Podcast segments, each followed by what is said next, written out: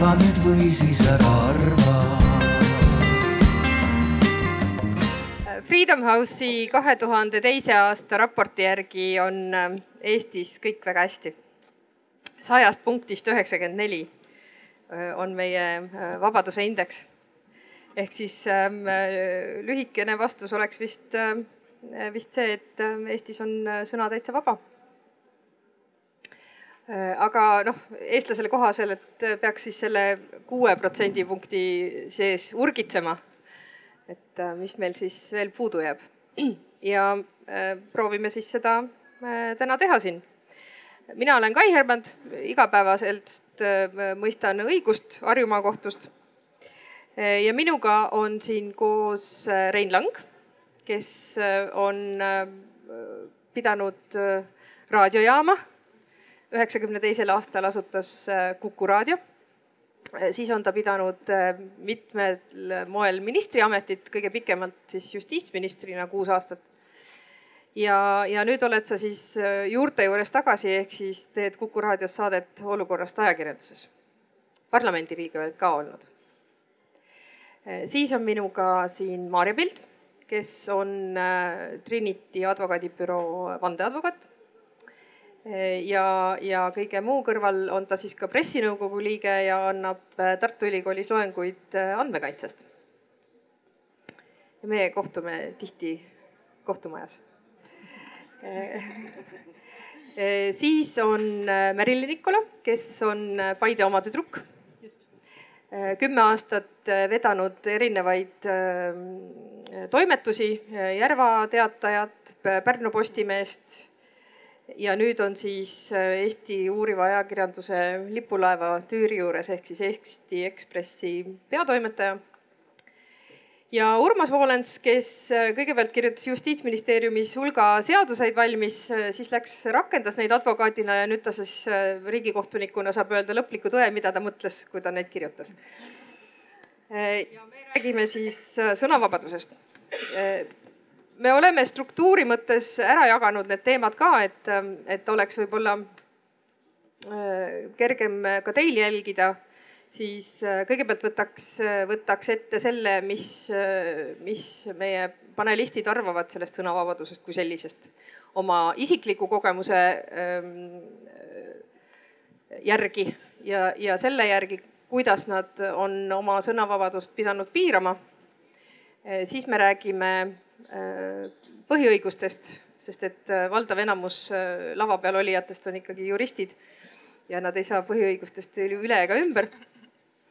räägime siis ähm, sõnavabadusest ja eraelu kaitsest, avalikust huvist ja uudishimust. siis võtame ette tõhusa õiguskaitse ja hüvitised, teiste inimeste rahast on ju ka eraldi väga huvitav rääkida. ja kui me jõuame, siis räägime ka sotsiaalmeediast ja sellest kus on siis äh, internetis see avalik ruum, kuhu me saame oma sõnavabaduse plakatiga äh, kohale minna. ja ma hakkaks, Rein, sinust pihta.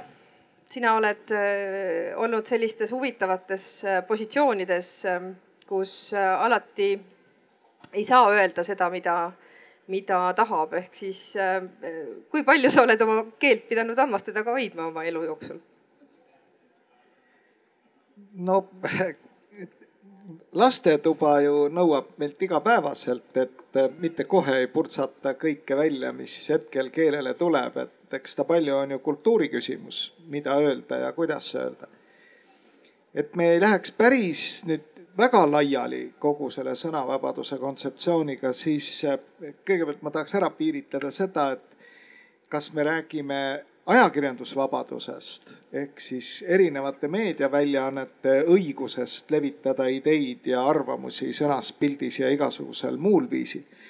või räägime me siis igaühe õigusest, sõltumata sellest, kas ta on, töötab kuskil meediamajas, peab ise mingit blogi või on lihtne inimene ja tahab turul midagi öelda. ma arvan, et me võiksime täna rääkida rohkem sellest igaühe õigusest, et see, ma arvan, huvitab inimesi natuke rohkem ja teine eh, oluline, mis minu jaoks on üsna oluline, on, et äh, niipea kui Eestis mingisugune poliitiline selline keemistemperatuur tuleb, nii alati leidub kohe neid, kes asuvad paaniliselt sõnavabaduse kaitsele. ehkki ei ole vaja midagi kaitsta, aga see on väga populaarne olla mingisuguse asja kaitsel. ja siis ma olen täheldanud, et on väga palju selliseid teoreetikuid, kes hakkavad rääkima, et sõnavabadus on gradatsioonis ülimuslik õigus, et vot õigus elule, hea küll jah, et sellega ollakse päri, et see on kõige tähtsam, aga siis tuleb kohe sõnavabadus takkaotsa selle üle võiks ju mõtiskleda, et kas see nüüd ikka niimoodi on, et nüüd äh, sõnavabadus on äh, üle näiteks õigusest, igaühe õigusest väärikule, aule ja, ja heale nimele. Minu jaoks on nad kogu aeg olnud nagu võrdsed õigused ja, aga on ka muidugi jah, neid äh, terve maailma õiguskirjandus on täis neid gradueerijaid, kes tahavad neid põhiõigusi kuidagimoodi panna mingisse järjekorda, gradueerida, et mis on siis vähem oluline ja mis on ülioluline ja tundub, et selle õigus elule, selle üle nagu väga debatti ei käi.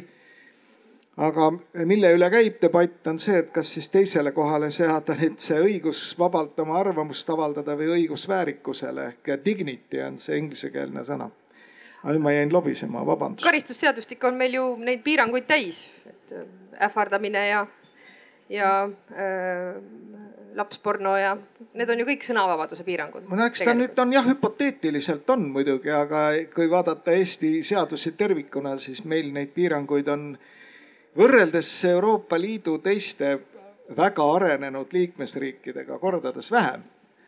võtame Austria seadustikud ette, siis seal me näeme sõnavabaduse piiranguid kordades enam, ometi keegi ei ütle, et Austria on ebademokraatlik maa tõsi.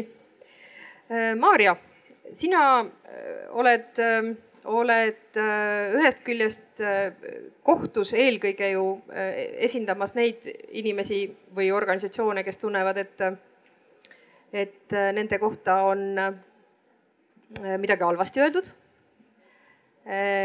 ja, ja teisest küljest sa, sa õpetad andmekaitset mis on ju üks eraelu äh, puutumatuse äh, väga olulisi osiseid.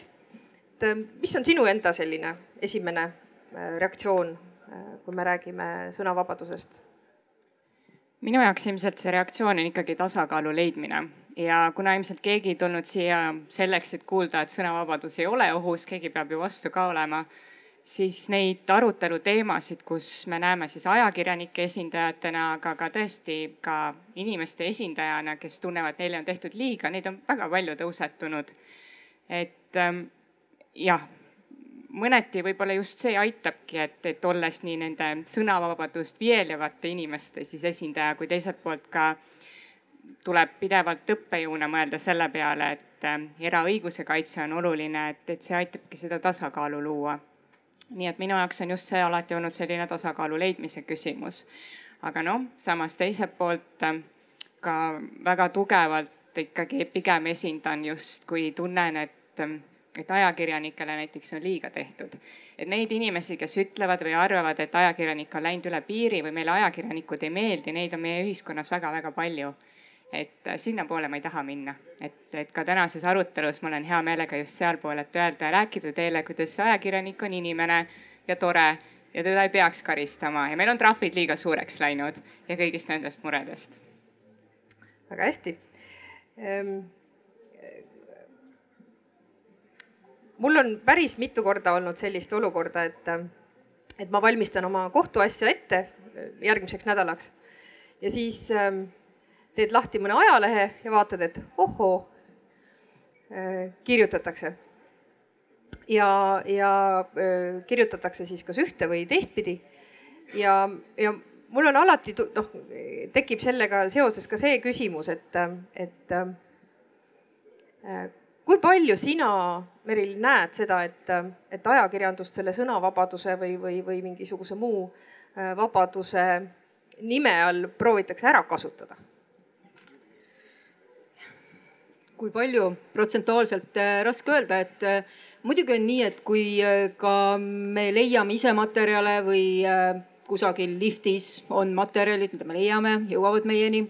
et seal taga on meie jaoks hästi oluline ikkagi kaaluda seda, et mis on ka need taustal need argumendid, et kui tõesti on mingisugune inimene, kes ekstra soovib avaldamist, siis see ei ole meie jaoks argument, et ahah, et sa väga soovid, et paneme kõik lehte ära. et äh, ajakirjandus kaalutleb, hindab, ta hindab avalikku huvi ja otsustab siis, kas see üldse tasub kajastamist. et mul on sellest kevadest ka mulle meenub, et äh, kaks sellist lugu, et ajakirjandust tavaliselt süüdistatakse selles, et nad tahavad müüa, et nagu müümise eesmärgil teeme ainult lugusid. mulle meenub kaks lugu kevadest, millest ma kahjuks detailideni ei saa rääkida, mulle toodi lauale suhtlesin pikalt nende allikatega, väga mahlased äh, avaliku elu tegelased on sellega seotud, need tekitaksid ja need tekitaksid äh, väga palju elavat äh, arutelu, aga point oli selles, et ma ei leidnud sealt ähm, ma ei leidnud seda põhjust, miks avalikkus peaks neid teadma lihtsalt ja need lood jäidki, jäidki avaldamata, hoolimata sellest, et need olid väga põnevad. aga kui rääkida sõnavabadusest üldiselt, siis äh, jah, Eesti on äh, Eesti igasuguses äh, edetabelites on väga heal ja kõrgel kohal, aga aga nagu ka Maarja ütles, et tegelikult äh, me peame rääkima ka nendest murekohtadest ja neid on. Ja tegelikult äh, võib-olla tavaline inimene, kui ta teeb oma tööd, ta ei ole mm, ajakirjandusega seotud või, või andmete avalikustamisega kuidagi sealt poole pealt seotud, et siis ta võib-olla ei tajugi, et kust hakatakse kraane kinni keerama, et ajakirjandus on see, kes esimesena tegelikult hakkab nagu nägema, et kusagil näiteks ei jagata enam nii palju infot et, et see on ka hästi oluline, sõnavabaduse osa on ähm, saada ka infot, et sul on õigus teada asju ja kui palju ajakirjanikud tänapäeval ka näevad seda, et on dokumendid salastatud näiteks. mul oli sel nädalal endal ka lehes üks lugu, kus lihtsalt me räägime karjääri tegemisest, et kus kohalikud tahavad kaasa rääkida ja nad ei saa, sellepärast et dokumendid on lihtsalt salastatud, salastatud, mingi asja kohta nad küsivad, siis öeldakse, et vabandust, kogemata panime templi peale. tegelikult vist ei ole vaja jah, et see salastamine, et et see on probleem. Ja ütleme, et kui rääkida Ekspressi kõige suuremast või viimasel ajal ütleme tähelepanu saanud ehm, kaasusest siin, millest me võib-olla pikemalt, võib-olla väga palju vaatame, kas jutuks tuleb, et aga selle puhul võib-olla see murekoht on jah, minu jaoks see, et nagu Maarja ütles, et paljud inimesed annavadki sealt tagasisideks, et või kui seda arutada, et jah, õige, piiramegi ajakirjandust, et ärme paneme seadustesse kirja, et nad ei tohigi midagi nagu kajastada. ja mul on see täiesti arusaamatu, et kas midagi on jäänud kooliõppes siis tegemata, et ma ei saa aru, et mis see tulemus sealt lõpuks on. et me räägime ühest lausest, aga tulemused sealt ühiskonnale on palju, palju nagu karmimad, julgeksin öelda. nii et jah, et meil on, meil on probleeme mm, sõnavabadusega, mida tuleb nagu rääkida ja arutada ausalt. väga hea. Ähm, riigikogu liikmel on ähm, immuniteet äh, siis äh, selles, äh, selles osas, mis ta, mis ta Riigikogu kõnepuldis räägib aga siis, kui ta sealt kõnepuldist alla astub ja on näiteks abipolitseinik, eh, siis eh, ja, ja sedasama juttu räägib, mis ta seal eh, parlamendi kõnepuldis on rääkinud, siis võib ta sellest abipolitseiniku ametist priiks saada. Ja, ja meil on ka üks tore kohtukaasus selle kohta, kus Äh, kus öeldi, et, ähm, et abipolitseiniku ameti väärikusega ei käi kokku see, et äh, ta avaldab oma arvamust äh, erinevate rasside, inimeste ja, ja, ja muude asjade kohta. Urmas, sina oled olnud nagu äri, hästi ka erinevates rollides oma, oma, oma elus, noh ka õppejõud, eks ole, et kas, kuidas sina tunnetad seda, seda oma ametipiirangut ja sõnavabadust? Praeguses ametis? praeguses ametis jah, ikka. no ma ei tea, ma ei ole eriti ennast, ennast piirama asunud äh, võrreldes oma varasema eluga, et äh, ega noh, ütleme ükskõik, kas, mis, mis juristi elukutset sa parasjagu täidad, et kas sa oled noh, riigiametnik või advokaat või prokurör või kohtunik. noh, juristid üldiselt võiksid jääda sellise hea maitse piiresse oma väljendustes sest et sa lihtsalt eh, noh, muidu ei ole tõsiseltvõetav, eh, kui sa väga palju räuskad. Ehm, noh, kohtunike puhul eh, ega ju väga suuri nagu piiranguid võrreldes tavakodanikega ei ole. on loomulikult noh, üks suur piirang on see, et konkreetse kohtuasja noh, kinniseid materjale loomulikult ei, ei tohi avaldada, see on minu kui riigiametniku või kohtunikust riigiametniku kohustus seda saladust hoida, me kaitseme sellega seda andmesubjekti peene sõnaga, menetlusosalist inimest, kes seal kohtus on. noh, muus osas siin on nüüd viimase aasta jooksul kohtunike eetikanõukogu pidanud kaks korda võtma seisukohti kohtunike avalikus suhtluse üle, üks puudutas ehm, kohtunike suhtlust meediaga, eh, mis oli, mille taust oli see, et kui ühte riigikohtu, riigikohtusse oli üks konkurss ja osa, osa Harju maakohtu kohtunikke arvas, et, et noh, peaksid liikuma riigikohtusse mitte inimesed väljaspoolt kohtusüsteemi, vaid peaks edutama seniseid pikaajalise karjääriga kohtunikke et siis noh, ilmus mingi artikkel anonüümsete kohtunikega vestluste tulemusena, eh, kus siis eh, noh, avaldati kriitikat ja kuulujutte ja kahtlustu, isiklikke kahtlustusi eh, riigikohtu esimehe personalipoliitika suhtes, mille kohta riigi, kohtunike eetikanõukogu võttis seisukoha, et, et iseenesest ei ole ka meediasuhtlus selles küsimuses ju keelatud, aga, aga noh, et seda peaks tegema mitte anonüümselt, vaid oma näo ja nimega nii nagu eetikanõukogu väga targalt ütles, et keelepeks ei peaks olema kohtuniku töövahend. noh, sellega vist jääb üle ainult nõustuda. Eh, ja teine, teine eetikanõukogu eh, seisukohavõtt puudutas seda, kus üks kohtunik sotsiaalmeedias avaldas arvamust ja noh, seal üldine hoiak eetikanõukogul oli see, et et kohtunikul on lubatud kõigil ühiskondlikel teemadel sõna võtta, noh poliitika küsimustest peaks hoiduma aktiivsest poliitilisest agitatsioonist, et kui ma noh läheks ja teeks mingile konkreetsele erakonnale või konkreetsele poliitikule kampaaniat, et see ilmselt oleks siis lubamatu. Aga et muus osas noh, võib võtta sõna kõigil teemadel, jäädes hea maitse piiresse, sealjuures võib kasutada slängi, metafoore, nalju. aga noh, et ei tohiks isiklikult kedagi rünnata. Eh, noh, et need on need piirangud, mille puhul või noh, millega praegu siis niimoodi peaks arvestama. ja muu noh, nagu Rein ütles, et sõltub pigem lastetoast mm. -hmm Meril, sa tahtsid tahtsin lihtsalt äh, lisada, et kuna ma olen siin ainuke ajakirjanike esindaja, et tegelikult ajakirjanikel on äh, ka neid piiranguid, et äh, nii-öelda sõnavabaduse, ma ei ütle piiranguid, aga hea tava reegleid, mida meediaettevõtetes kokku lepitakse. et just ka see sotsiaalmeedias näiteks käitumine, et ähm, ütleme, et meie ettevõttes on ta vist ühe lausega lihtsalt hea tavana, et kaalu, et kui sa oled ka sotsiaalmeedias, oled sa tegelikult, esindad oma ettevõtet. aga on väga paljud ülemaailmsed väljaanded, kes ongi teinud suhteliselt pikad sotsiaalmeedias hea tava ähm, siis reeglid ja, ja neid uuendatakse, et mida sa üldse räägid seal ähm, kas on mõistlik näiteks oma loo allikaid kommenteerida, poliitilisi vaateid, on ju, et sa oled seal suhteliselt nagu avalikkuse ees, kuidas siis inimesed suhtuvad ja loevad sinu artikleid näiteks. nii et selles suhtes ähm, jah, oma ettevõtte kritiseerimine on ka näiteks teema, et äh, et selles suhtes, et mingisugused sõnavabaduse piirangud siis ikkagi on. aga ma tahtsin küsida, et või öelda, et lihtsalt, et jah, et see on ka huvitav, et nad olid äh, anonüümsed seal kohtunikud artiklites, aga noh, eks seal on põhjus, ju siis kartsid olla oma nime all. et mis siis saab neist? ja, Rein, ole hea. jah, ma, ma tahaks nüüd jälle natukene õiendada, et me nüüd oleme sujuvalt rääkinud kahest erinevast asjast üks on äh, nagu sõnavabadus ehk igaühe õigus levitada arvamusi, informatsiooni sõnas, pildis, muul viisil. ilma, et keegi teeks sellele mingisuguseid takistusi. ja teine asi on nüüd igaühe õigus saada kätte seda informatsiooni, mis tekib avaliku halduse käigus.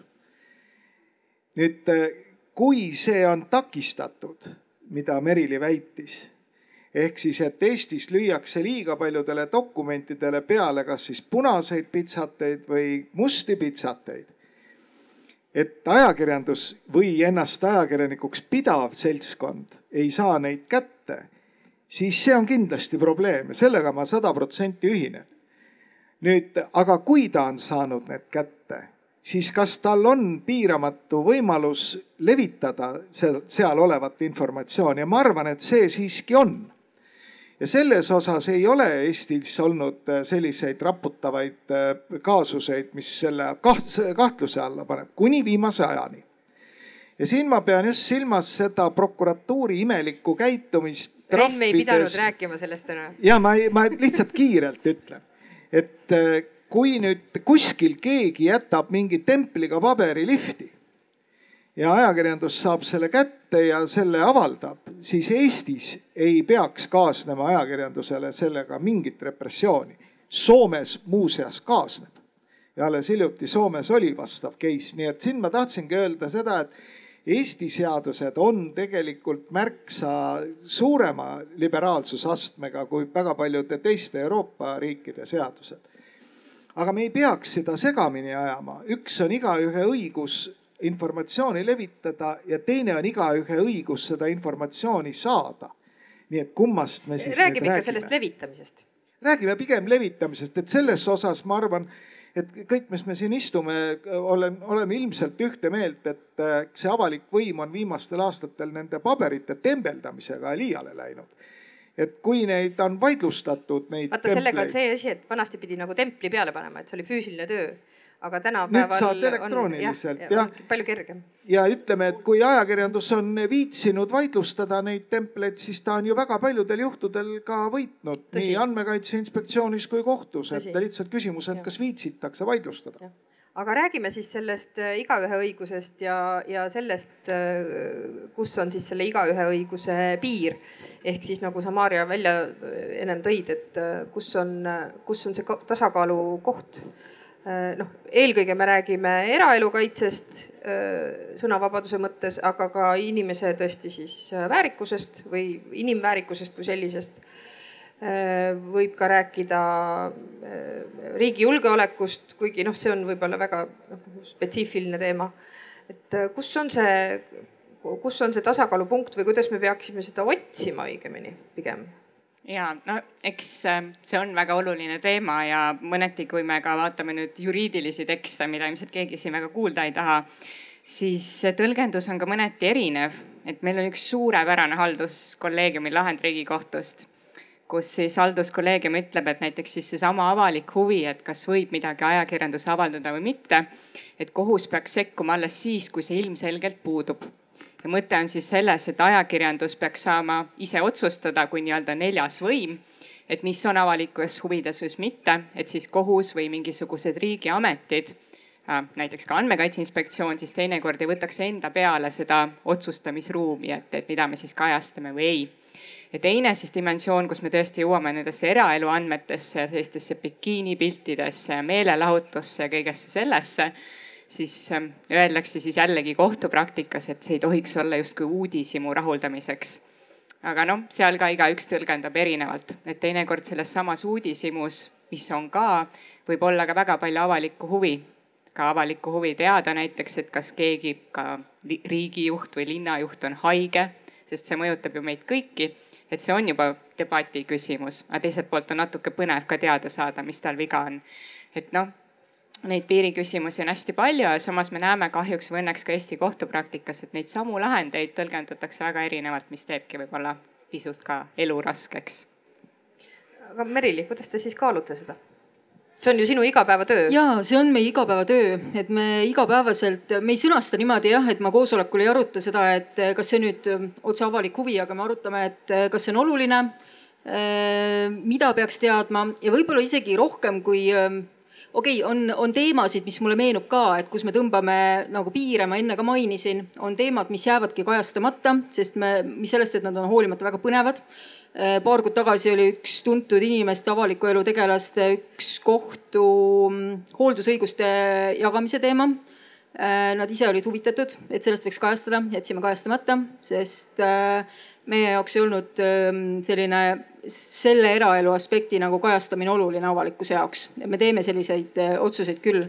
ja ütleme, et äh, ka loo sees, loo raames toimub väga palju väikseid otsuseid, kus me peame mm, vaatama, et millised detailid lähevad sisse ja millised ei lähe sisse.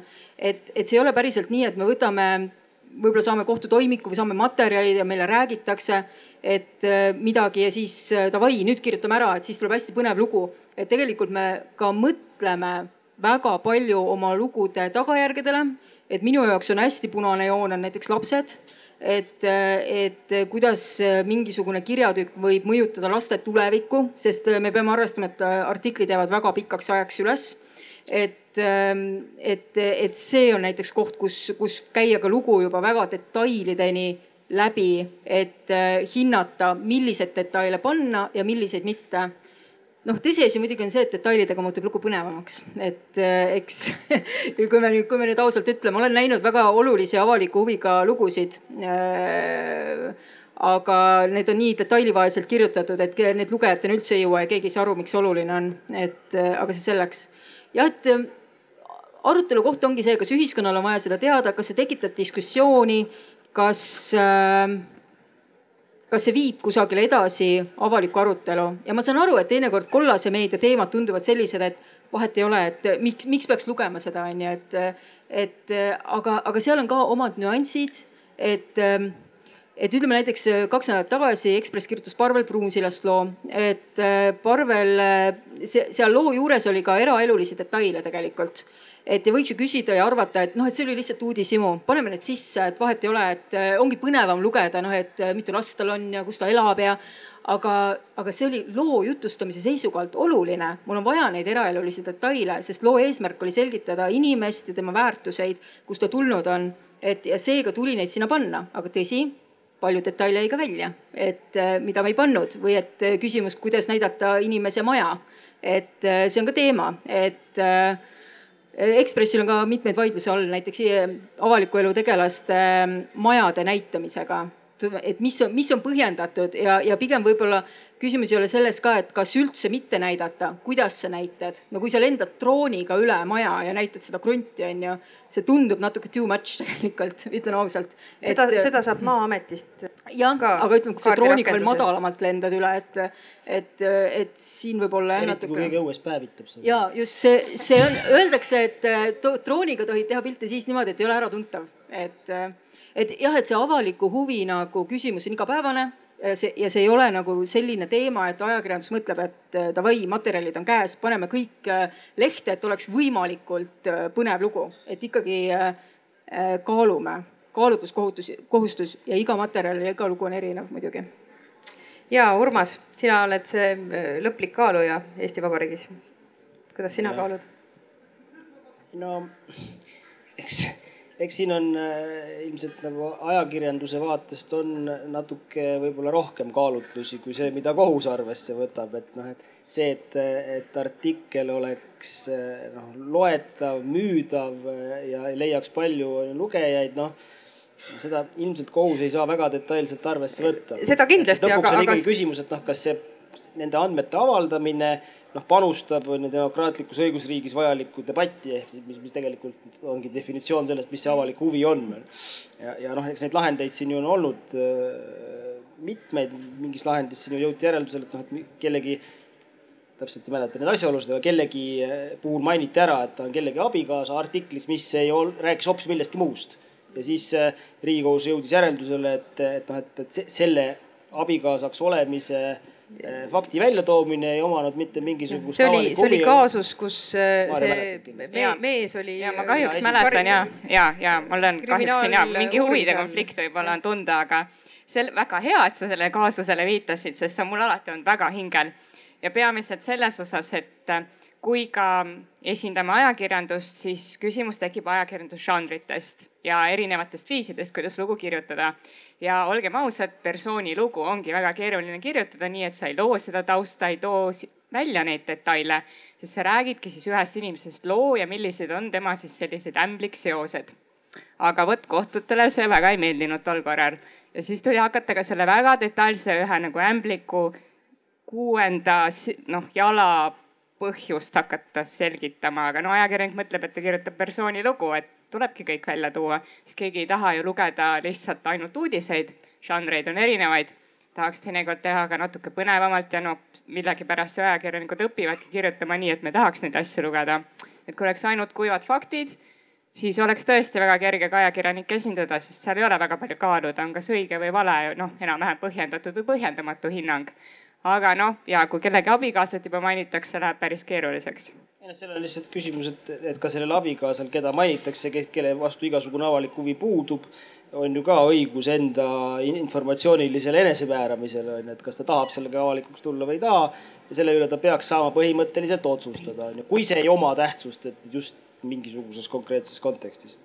Ja, see ongi no, nagu kaalumise koht. jah, väga hea, meil läks diskussioon käima, Rein ja siis Merili saab no, ka kohe. jah, aga see, mida siin eelkõnelejad räägivad, see ongi establishment räägib omavahel, eks ole, meediamaja kus on ridamisi kõrgelt haritud, õppinud inimesi, kes on õppinud ajakirjandusteooriat, kellel on juriidiline osakond, eks ole, kes oskab hinnata, kes alati mingi loo juures teostab selle kaalumise protsessi millest me siin räägime, et äh, advokaadid igapäevases töös täpselt samamoodi. aga tegelik elu on ju täna juba midagi muud üle viiekümne protsendi sellest informatsioonist bittide näol, mis meie ühiskonnas ringleb, ringleb ju kanalites, mis ei ole meid läbi meediamajade või läbi traditsiooniliste raadiojaamade ja telejaamade. me nimetame seda sotsiaalmeediaks või kuidas iganes, see on see digitaalne maailm. ja seal muutuda selleks avaldajaks. On ju imelihtne, sa lähed äh, üheksast viieni Paides avatud IT-poodi, ostad sealt endale laptop'i, natukene tarkvara juurde ja muudkui kirjutad. levitad isikuandmeid, tõde selle kohta, et meid valitsevad reptiilid ja nii edasi, annad väga täpset informatsiooni selle kohta, kuidas vaktsiinid hävitavad elu. Aga sa teed seda tegelikult täiesti teadlikult ja seal ei toimu mingit kaalumist ei mingit professionaalset äh, juriidilist osakonda, kes võiks uurida, kas äh, isikuandmeid käitatakse tsiviliseeritud või õiguslikul moel või mitte. ja vaat siin on minu meelest tänapäevase ühiskonna põhiline probleem, et tegelikult meil ei ole enam see infolevi ei ole mitte traditsioonilistes kanalites, aga ta läheb kuskile mujale. ja seal võib üksikisik osutuda täiesti kaitsetuks et teatud ebasoovitavate juhuste kokkulangemisel võib keegi naabrimehele tõmmata solgiämbri krae vahele täiesti süüdimatult ja kuidasmoodi see naabrimees ennast siis nagu kaitsta saab? Rein, räägime sellest umbes poole tunni pärast, sobib? Merili, sul oli see, kommentaar. see on väga oluline teema muidugi, sellest me peaksime me, kindlasti me, rääkima. ma lihtsalt tahtsin nagu öelda mm, äh, siia Maarja ja äh, eelnevaks nagu aruteluks, et äh, jätkuks, et selle märkuse, et mulle tundubki, et mõnikord kohus määratleb avaliku elu tegelast ja avalikku huvi natukene teistmoodi kui ajakirjandus et ma ei ütle, et, et üks on õige ja teine on vale, et küsimus ei ole selles, aga mõnikord on need määratlused natukene erinevad, kohus vaatab äh, äh seadust, eelnevat praktikat, siin võivad ise täpsustada, ma ei kirjuta ette, mida te täpselt vaatate, aga ajakirjanduses mulle tundub, et äh, see vaade on nagu rohkem selline kontekstis või et vaatame pikemat ajalugu ja siis või, ma seda abikaasa juhtumit täpselt ei tea, aga ma ütlen, et siis võibki juhtuda, et tundub oma peas, et on põhjendatud, me kirjutame abikaasa sisse, sest ma tean oma peas, et seal on taustal veel selline seos ja ma pean selle ära näitama, onju. aga avalikkuse jaoks võib see jääda natukene, kui hiljem tekib vaidlus, võib jäädagi natukene segaseks, aga ajakirjanikul oli peas ikkagi mingisugune kaalutluskohus nagu tehtud, et see, et see tõlgendamisruum nagu kuidagi või põhjuste otsimine on, on laiem jah, neid, neid ütleme siis vaidluseid, mis ka noh, kohtulaua juurde või ette on jõudnud just nimelt selles, et kui kaugele ajalukku sa lähed, eks ole, et, et neid, neid lugusid on. Ja, ja see tegelikult ju seostub just nimelt eraelu kaitse ja andmekaitsega ja õigusega olla unustatud, eks ole, et, et kui ma siiski olen otsustanud oma elus teha kannapöörde ja, ja minna noh, ma ei tea erakuna elama mõnele saarele, mis siis, et ma olen olnud tegevpoliitik tükk aega, siis ma võib-olla noh ma ei taha enam, et mind äh, seostatakse nagu aktiivselt selle oma, oma, oma eelneva elu ja, ja kõige muuga, et noh, inimesel ometigi on ju õigus teha pöördeid oma, oma elus. Ähm, aga et publikum ei saaks ähm, ainult silmi kissitades päikesesse vaadata, siis äh, meil on olemas mikrofon, võtame sujuvalt mõned küsimused vahele ja siis lähme oma aruteluga edasi. tere, mina olen Mats. Olgugi, et olen ka jurist, siis täna siin küsimus küsimuses olen filosoof. ja ma tahtsin küsida selle kohta, mida Rein Lang ütles, eks, et see õigus levitada ideid sõnas, pildis ja igasuguses muus vormis. Ja Ameerika ülemkohtus oli siis, oli ju see Citizens United kaasus, kus siis leiti, et ka rahaline annetus poliitilistel eesmärkidel langeb sõna või siis selle väljendusvabaduse alla, et see ideede vorm ongi siis see rahaline annetus. ja mind nagu huvitabki, et mida siis panelistid nagu arvavad, eks, et peale selle, et keegi teeb suu lahti, peale selle, et keegi teeb mõne pildi või kirjutab mingi teksti, et noh, näiteks kas rahalised annetused võiksid olla ka sellised asjad, mis Eesti õigusruumis või Eesti kultuuriruumis langevad selle sõnavabaduse alla, mis meile siis kõigile on, on põhiseadusega garanteeritud, aitäh. et ma võib-olla siis sõnastaks natukene ümber, et kas tegu võib olla sõnavabaduse väljenduseks või? jah, jah. Nonii okei okay,, ma avan lihtsalt, mul tuli lihtsalt selle küsimusega, mul ei ole võib-olla selget eh, seisukohta, et peab natuke mõtlema, aga üks ajakirjanduse vaatest eh, teema, millega ma Postimehe ajal kokku puutusin. et eh, Postimehe suur omanik Margus Linnamäe on aktiivne erakondadele annetaja. et väga selge kaasus ja ma pean ütlema, et, et et see ei sobinud ajakirjanikele et toimetuse vaates oli see meile probleem tegelikult, et, et kuigi, kui vaadata ajalugu, on ju, Margus Linnamäe oli juba enne Postimehe omanikuks saamist kindlate seisukohtadega, on ju, annetas juba tollal, on ju, et aga siin minu jaoks oli see küsimus küll. Ja meile tundus, et see ei ole võib-olla sobiv just ajakirjanduslikus vaates, et siin jah, minu jaoks väike dilemma on ma lähen nüüd natuke teisele teemale, et kas mingi tegu võib olla või kuidagi absoluutselt, et ja isegi meil on ju olnud ka olukordi, kus karistatakse või mõtleme kasvõi nende sümbolite regulatsioonide peale, mis viimasel ajal on tulnud. et ma ei ole, ma ei mäleta, et Eestis oleks kunagi olnud midagi sellist või olukorda, kus me oleks arutanud seda annetust kui midagi, mis on kaitstud aga kui me õiguslikult vaatame, siis me ei kaitse midagi ainult siis, kui konventsiooni mõttes, Euroopa Inimõiguste konventsiooni mõttes läheb artikkel seitseteist alla, mis on siis õiguste kuritarvitamine. ehk et kui ongi vihakõne või üleskutsed vägivallale, siis me ütleme, et see ei mahu sinna väljendusvabaduse kaitse alla aga see väljendus ise, nagu me varem arutasime, tähendab nii õigust informatsiooni saada kui väljendada aga väljenduse puhul, kuidas sa seda teed, ei ole ju mitte kuidagi piiratud.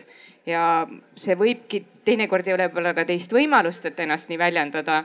ja kui me tuleme korra sümbolite juurde tagasi, siis ei olegi ju võib-olla mingi sõna, vaid ehk mingisugune T-särk, mida sa kannad. Prantsusmaal on paar kaasust olnud, kus näiteks ühele siis onu kinkis viieaastasele poisile T-särgi, kus peal oli siis noh moslemitele viitav ja selline pommikujutis, et seal jõudis see isegi kohtusse ja trahvideni. meil endal oli ju ka ju. ja väga sarnaseid särgi, asju juba. jah, et, et särgikaasuseid on päris mitu ja seal ei ole isegi sõnu peal, et seal võib olla lihtsalt mingi kujutis ja jõuame sinna, et see, see ei ole okei okay, nii-öelda. aga jah, kui kui artikkel seitseteist alla ei lange, ehk siis see õiguse kuritarvitamine, siis miks mitte, kõik võib olla ju midagi, mis on väljendusvabaduse all kaitstud. Rein kindlasti arvab teisiti. sina oled ainus poliitik. me oleme nagu samal lainel vist, aga tegelikult on väga hea küsimus, ilma naljata, et äh, hüpoteetiliselt, et kui, kas see küsimus on kantud ka sellest, et kas see minu annetus peaks olema kas nagu avalik või? aga mis siis saab, kui ma annetan kuskile, teen ise mingi annetusfondi ja siis kirjutan kuskile Facebooki, et näete, ma annetasin sada eurot selleks, et poliitik X saaks psühhiaatrilist abi, eks ole. et see on ju väga selge mingisugune seisukohavõtt kellegi vastu, eks ole, noh, järelikult ma ikkagi arvan, et see mahub ka kõikidesse nende sõnavabaduste debattide üle aga jah, tegu kui niisugune, kui sa sellega väljendad mingisugust arvamust või kõnnid mingi särgiga ringi, siis jah, minu meelest on ta küll ikkagi nagu sõnavabaduse kategooria alla läheb. iseasi muidugi, et me, meil on Eestis üldse nagu selline komme, et me üritame igalt poolt otsida võimalust mingi asja karpi panemisel, et me ei, mitte ei hinda konkreetset kaasust nagu case law's on väga omane, eks ole, vaid me üritame siis panna kuskile mingisse kategooriasse neid, neid asju. ja kui kategooriat parajasti ei leia, siis on kuri karjas, siis öeldakse, et näed, valitsus ei ole vastavat eelnõud teinud. Urmas, tahad sa vastata sellele küsimusele, siis me lähme no, raha juurde. Nende annetuste osas eh, on ju kaks poolt, üks on see, et kas mul on vabadus teha annetusi, kellele ma tahan, igaühel ja, ja noh, et, et ükskõik kellele et noh, loomulikult on. et igalühel on õigus teha ja see, see on sama põhimõtteliselt kaetud sõnavabadusega või väljendusvabadusega, et ma võin ka väljendada ennast selle läbi või toetada neid, ma ei tea, maailmavaatelisi mittetulundusühinguid, erakondi, keda ma tahan. nüüd teistpidi, kas selle vastu on avalik huvi, et kas ma olen annetusi teinud? noh, siis see on, see, lõpuks taandub ikkagi sellele samale avaliku huvi hindamisele, et kui selgelt on avalik huvi selle vastu, kes erakondi rahastab, on ju. noh, meil on seal teatud piirangud, on ju, füüsiliste isikute annetamisel, noh, mina iseenesest seda probleemi ei näe, see võiks olla ka vabamalt kirjas, peaasi, et see on avalik, on ju, et, et poliitikud võivad ju olla nagu rallisõitjad, kõigi sponsorite reklaamid on pintsaku peal kirjas, et peaasi, et me teame, kes seda rahastab, et kes mõjutab poliitikat. teine pool, et kas noh, näiteks, et kui küsimus, et, et kas, kas minu kui annetaja õigused peaksid olema kaitstud või kas selle vastu peaks olema huvi, et, et, et kas, et kellele on näiteks riigikohtunik Urmas Volens annetanud et noh, ilmselt kui ma annetan, on ju mittetulundusühinguna Slava Ukraini, noh, ja see ei ole minu sissetulekuga võrreldes ebaproportsionaalne, see annetuse suurus, noh, seal võiks küsida, et kust ta selle raha sai, kui ta palk on nii palju. aga et kui ma näiteks süsteemselt toetan ühte erakonda on ju, et siis noh, siis võiks selle vastu olla avalik huvi, et miks kohtunikel ei peaks olema väga palju poliitilisi seisukohti või noh, selgelt seda kuidagi agiteerima. noh, et annab iga kuu kümme tuhat eurot sellele erakonnale olukorras, kus ta palk seda tegelikult ei võimalda. et noh, et, et sellisel juhul loomulikult on selle vastu avalik huvi, et noh, see on nagu sõltuvalt kontekstist ikkagi annetuse osas erinev mm. -hmm. Rain, sa mainisid siin Anglo-Ameerika õigussüsteemi ja, ja, ja lähekski siis äh, edasi tõhusast, räägiks tõhusast õiguskaitsest ja, ja siis ka hüvitistest. Äh, ja, ja siin on noh, tõesti ju meil ütleme siis õiguskultuuriliselt väga äh, kardinaalselt erinev lähenemine on Anglo-Ameerika süsteemil ja kontinentaal-Euroopal ähm, ma ei tea, kas ma hakkan päris niimoodi hääletust pidama, et kas te arvate, et Eestis on hüvitised liiga suured või liiga väikesed aga, mm, aga äh, sõltub vaatepunktist muidugi. mina, mina vaatasin, ma vaatasin äh, uuringutest järgi, mis see on. ehk siis ähm, tõsi on see, et karistusõiguslikud või ütleme, kriminaalasjades mõistetakse hüvitisi välja keskmiselt Äh, suuremas summas kui tsiviilasjades, aga noh, seal on ka tegemist, eks ole ju äh, kehavigastustega, raskete kehavigastuste puhul on meil siis või, või tähendab üldse tervisekahju, kahjustuste puhul on neli tuhat, nüüd läks mikrofon, ei läinud. neli tuhat ükssada eurot keskmine, tapmiskatsete eest keskmine hüvitis on kuusteist tuhat kaheksasada. Et kui õnnestub ellu jääda, siis on, see on suhteliselt ähm, Äh, kopsakas valuraha ette nähtud. Äh, tsiviilasjades oli ähm, äh, aastal kaks tuhat üheksa oli, oli see maksimum, maksimumsumma kolm tuhat, siis aastal kaks tuhat kuusteist oli juba keskmine kaks tuhat üheksasada. nii et, ähm, et kui sul õnnestub siiski kohut veenda selles, et, et sinu õiguseid on rikutud siis eh, keskmise tulemuse järgi eh, võib, võib oodata mõningast rahalist hüvitist. aga, aga minu küsimus pigem teile ongi siis see, et, et noh, kus on siis see pudelikael või see kitsaskoht, et miks, miks meil ei või mis meil puudu on või, või, või vajaka jääb sellest tõhusast õiguskaitsest, et, et kõigepealt räägiks siis nendest tava, tava, tavapärasest meediast ja siis läheks sinna sotsiaalmeedia juurde, sest see on, see on ilmselt see kõige keerulisem koht üldse praegu. nii, aga õiguskaitse, kes on käsi püsti, sina hakkad tavaliselt protsessiga pihta. ja siis... kohe, kohe, kui on midagi rahas, siis jah ja,, mul oli enne suur mure. et ma praegu kuulasin ka neid numbreid ja minu jaoks ongi natuke kummaline, et äh, väga labaselt öeldes kriminaalvaldkonnas tunduvad need hüvitised liiga väiksed ja tsiviilvaldkonnas liiga suured teinekord. mis ma siis mõtlen? et äh, Eestis kõige suuremad rekordid, mis siis meediamajadelt välja mõistetud või ka ajakirjanikult nüüdseks on kümme tuhat eurot. ja see on meie meelest liiga palju. samal ajal, kui me kuulsime, siis väga tõsiste kuritegude eest ohver võib saada neli tuhat eurot. et miks siis selle eest, et kedagi noh, näiteks siis ühte poliitikut on nimetatud ähm, korruptsiooniga seotud poliitikuks tema saab kümme tuhat eurot, aga inimest on päriselt vägistatud, talle on kallale tungitud, tal on eluks ajaks armid. hea, et ta vaevalt ellu jäi ja tema saab neli tuhat eurot. et ma arvan, et seal tekibki see kõige suurem ebaõiglus. ja noh, teiselt poolt ka, et kui ikkagi nagu ajakirjanikule välja mõista kümme tuhat eurot, siis see ei ole väike summa. et alustavad ajakirjanikud ei ole miljonärid, ka tulevikus ei ole nad miljonärid, et, et see on väga-väga palju raha et võimalik, et kuus palk noorel ajakirjanikul ongi kuskil tuhat, tuhat viissada eurot. ja siis sa kuuled, et su kolleeg jah, võib-olla kogenum, tuntum saab kümme tuhat eurot siis trahvi, miks ma peaks seda tegema? miks ma ei lähe midagi muud tegema, startup'id on praegu popid. mujal saab lihtsamini rikkaks, ajakirjanik olla ei tundu üldse fun, väga palju tööd peab tegema. kurjad ülemused, no ei ole kerge ja siis veel kümme tuhat eurot, noh et, et võib-olla praegu tundubki, et kõik saavad rikkaks, Instagramis on ilus elu, et kümme tuhat ei ole nii palju. aga päriselus on, et noh, see mind kõige rohkem ärritabki, et neli tuhat eurot selle eest, et su elu lõpuni oled saanud nii vähe. ja siis ajakirjanik kirjutab kaks lauset. igaks juhuks. ikkagi neli tuhat on vähe nii, aga äh, hüvitised ja tõhusus, õiguskaitse tõhusus.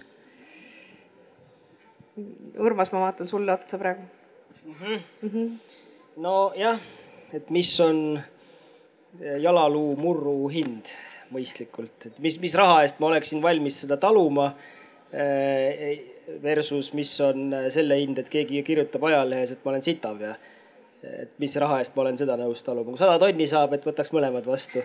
noh, ei tea, et ja selles mõttes eh, ilmselt see on ka nagu individuaalselt erinev, mis raha eest keegi on valmis seda taluma, et sellele õiglast hinda määrata on on äh, üsna raske, et see on kogu selle mittevaralise kahju kindlaksmääramise võtmeküsimus on ju, et seda ei ole võimalik tõendada ega mõõta. ja siis me küsime, et mis on mittevaralise kahju hüvitise noh, väljamõistmise eesmärk. et kas eesmärk on noh, kompenseerida seda füüsilist äh, valu või noh, mingisuguseid tervisemuudatusi ju, mingeid arme äh, terveks eluks või, või selle mõju, mõte on see, et, et noh, et mõjutada seda kahjustajat tulevikus eh, selliste käitumisviisidest, sellistest käitumisviisidest hoiduma, on ju, noh. ehk siis, kas see on nagu kompensatoorne või see on siis eh, see, et. preventiivne. preventiivne jah, võõrsõnaga. Eh, see, selle üle lõpuks ju kogu see debatt on, on ju, et noh, et ja, ja ilmselt see, see, see noh, kaalutlus on ju, et, et me peamiselt nagu kuritegude puhul ju seda äh, seda preventatiivset funktsiooni täidame läbi karistuse. terve peen karistusõiguse teooria juristidel ja kriminoloogidel, kuidas karistus peab kandma eripreventsiooni ja üldpreventsiooni eesmärki, ehk siis seda konkreetset inimest mõjutama, mitte enam tulevikus tegema ja siis ka kõiki teisi ühiskonnaliikmetele andma signaali, et noh, pole mõtet teise inimese jalaluu puruks lüüa, et lähed vangi. et, et seal on peamine see, see ärahoidmise mudel on, on, ongi see nagu karistuslik element on ju ja see, see läbi, käib läbi kriminaalmenetluse, mitte eelkõige rahalise, äh, rahalise selle hüvitise. -hmm. nüüd äh, noh, ütleme ajakirjanduse või niisuguse sõnaga äh, haiget tegemise rikkumiste puhul noh, see karistus tundub, on ju liiga räige sekkumine sõnavabadusse. et kui me selle peale noh, kui ajakirjandus noh, ütleme mitte ühe korra, võib-olla kolm korda on ju, rikub mingit reeglit, laimab kedagi, me paneksime ajakirjandusväljaande kinni, noh siis äh, varsti meil vaba ajakirjandust ja siis järgmise sammuna demokraatlikku õigusriiki ei oleks. ja konkreetset ajakirjanikku vangi panna ka on nagu noh, natuke liiga karm. et seal ilmselt see rahaga mõjutamise noh aspekt on, on olulisem ja noh, siin ju mõned aastad tagasi sai seadust muudetud ja selliste, selliste rikkumiste puhul seda karistuslikku äh, eesmärki või ärahoidmise eesmärki äh, seaduses natuke võimendatud. täna kohtupraktika ei ole seda väga, väga jõuliselt hoolimata Maarja vastuseisust üle võtnud. et väga suuri hüvitisi me ei ole tegelikult näinud. ja noh, ütleme siin on siis kõrval on angloameerika õigussüsteem, kus on see punitive damages kontseptsioon, kus noh, võid saada siis ootamatult miljonär, miljonäriks selle tõttu, et keegi sind ajalehes sõimas, ehk siis see, see, see noh, see rikkumine on sisuliselt kommertsialiseeritud, on ju, ja meil tekib terve selline kahju hüvitamise sissenõudmise tööstus on ju, millest siis advokaadid läbi tulemustasude käivad, jahivad neid, noh, meil siin üks näide tegelikult ühest nüüdseks endisest advokaadist on, kes proovis sellest siis tööstusharu välja arendada. praegu advokatuur viskas ta advokatuurist välja ja nüüd meie eh, kogu õigusteenuse turu eripärade tõttu võis ta siis panna ukse peale teise sildi, et nüüd ta ei ole enam advokaat, nüüd ta on, peab õigusbürood ja jätkab sedasama tööstuse arendamist. et aga noh, ütleme, see on see, mida tegelikult selle hüvitiste väga suureks eh, minemise vastu noh, peamise argumendina saab tuua. et nende vahel peab see ühiskond kuidagi kesktee leidma täna seadusandja on need piirid paika pannud.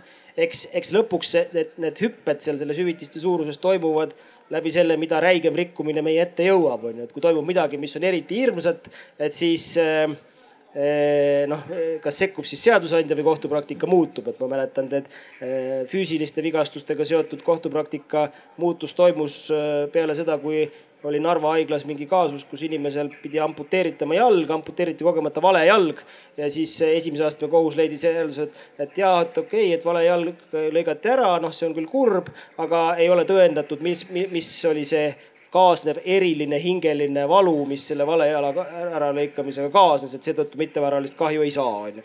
et noh, see, see tundus nii räigest nagu õigustunnet riivavalt, et siis kohtupraktikas hüppeliselt need muutusid noh, et meil ajakirjanduses noh, nii räiget midagi veel vist ei ole olnud või, või siis ei ole see meie ette jõudnud lihtsalt nii, aga, aga Merili saab öelda kohe, kuidas siis see üldpreventiivne äh, toime on ja siis Rein, me lähme sinu lemmikteema sotsiaalmeedia ja tõhusa õiguskaitse juurde. aga ja kahjuhüvitistest saad ka aga...? no ja kahjuhüvitised, et äh, tegelikult jah, kõik ei jõua kohtu ette, meile tuleb toimetusse ka mm, ikka igasuguseid nõudmiseid, äh, hagihoiatusi, seal sees on hästi lõdva käega kakssada tuhat, viissada tuhat, et sellised, sellised summad lihtsalt, et seal on üks vale lause, makske mulle. noh, et äh, muidugi me ei maksa, et viimane oli vist siin kaks miljonit äh, Margus Linnamäelt, et kui meil oli natukene tema meelest vale pealkiri, et selle kohtukaasuse me võitsime. et, ähm, et neid asju tuleb sisse ma ei, ma ei välista jah seda, et, et kui ikkagi suudetakse kohtus ära tõestada, et ajakirjandust on ju ka igasugust, et kui ajakirjandus ikkagi räigelt eksib ja teeb, teeb midagi valesti, siis äh, jah, et äh, siin on siis kõige suurem summa, meil on kümme tuhat, mis on välja mõistetud, on ju. jah, see on päris suur summa, aga see mõisteti meediaettevõttelt välja, on ju. et. ajakirjanikult nüüd ka kaks korda. okei okay et just ma tahan jõuda sinnamaani, et see ajakirjanikelt äh, hüvitiste väljanõudmine on äh, väga halb praktika, et isegi, isegi kui need summad on väiksed, et Postimehe ajast on mul meeles, et kaks ajakirjanikku said viissada eurot.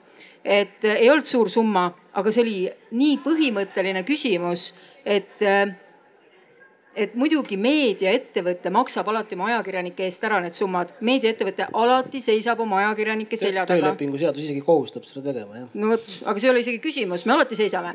alati maksame, kui on vajadus. aga tegelikult äh, kui aus olla, siis äh, seda ajakirjanike muret ma näen juba et mis sellest, et need on olnud võib-olla üksikud kaasused siin ja summad ei ole sellised, et on ju, et sa jääd aastateks vaeseks, kuigi summad on äh, ajakirjanike jaoks ikkagi äh, olulised olnud, siis ka see üldine mure kolleegide poolt juba, aga mis siis, kui minuga juhtub sarnane olukord? Ja kui mult küsitakse üle, kas ettevõte ikkagi seisab mu selja taga, et äkki veel paneme kuidagi täpsemini kirja selle, et see on juba olemas. Ja kui selliseid küsimusi esitatakse, siis see tähendab ka seda, et kusagil toimub peas mingi protsess, et äkki ma mingitest lugudest, see on väga keeruline lugu, võib-olla ei kirjuta.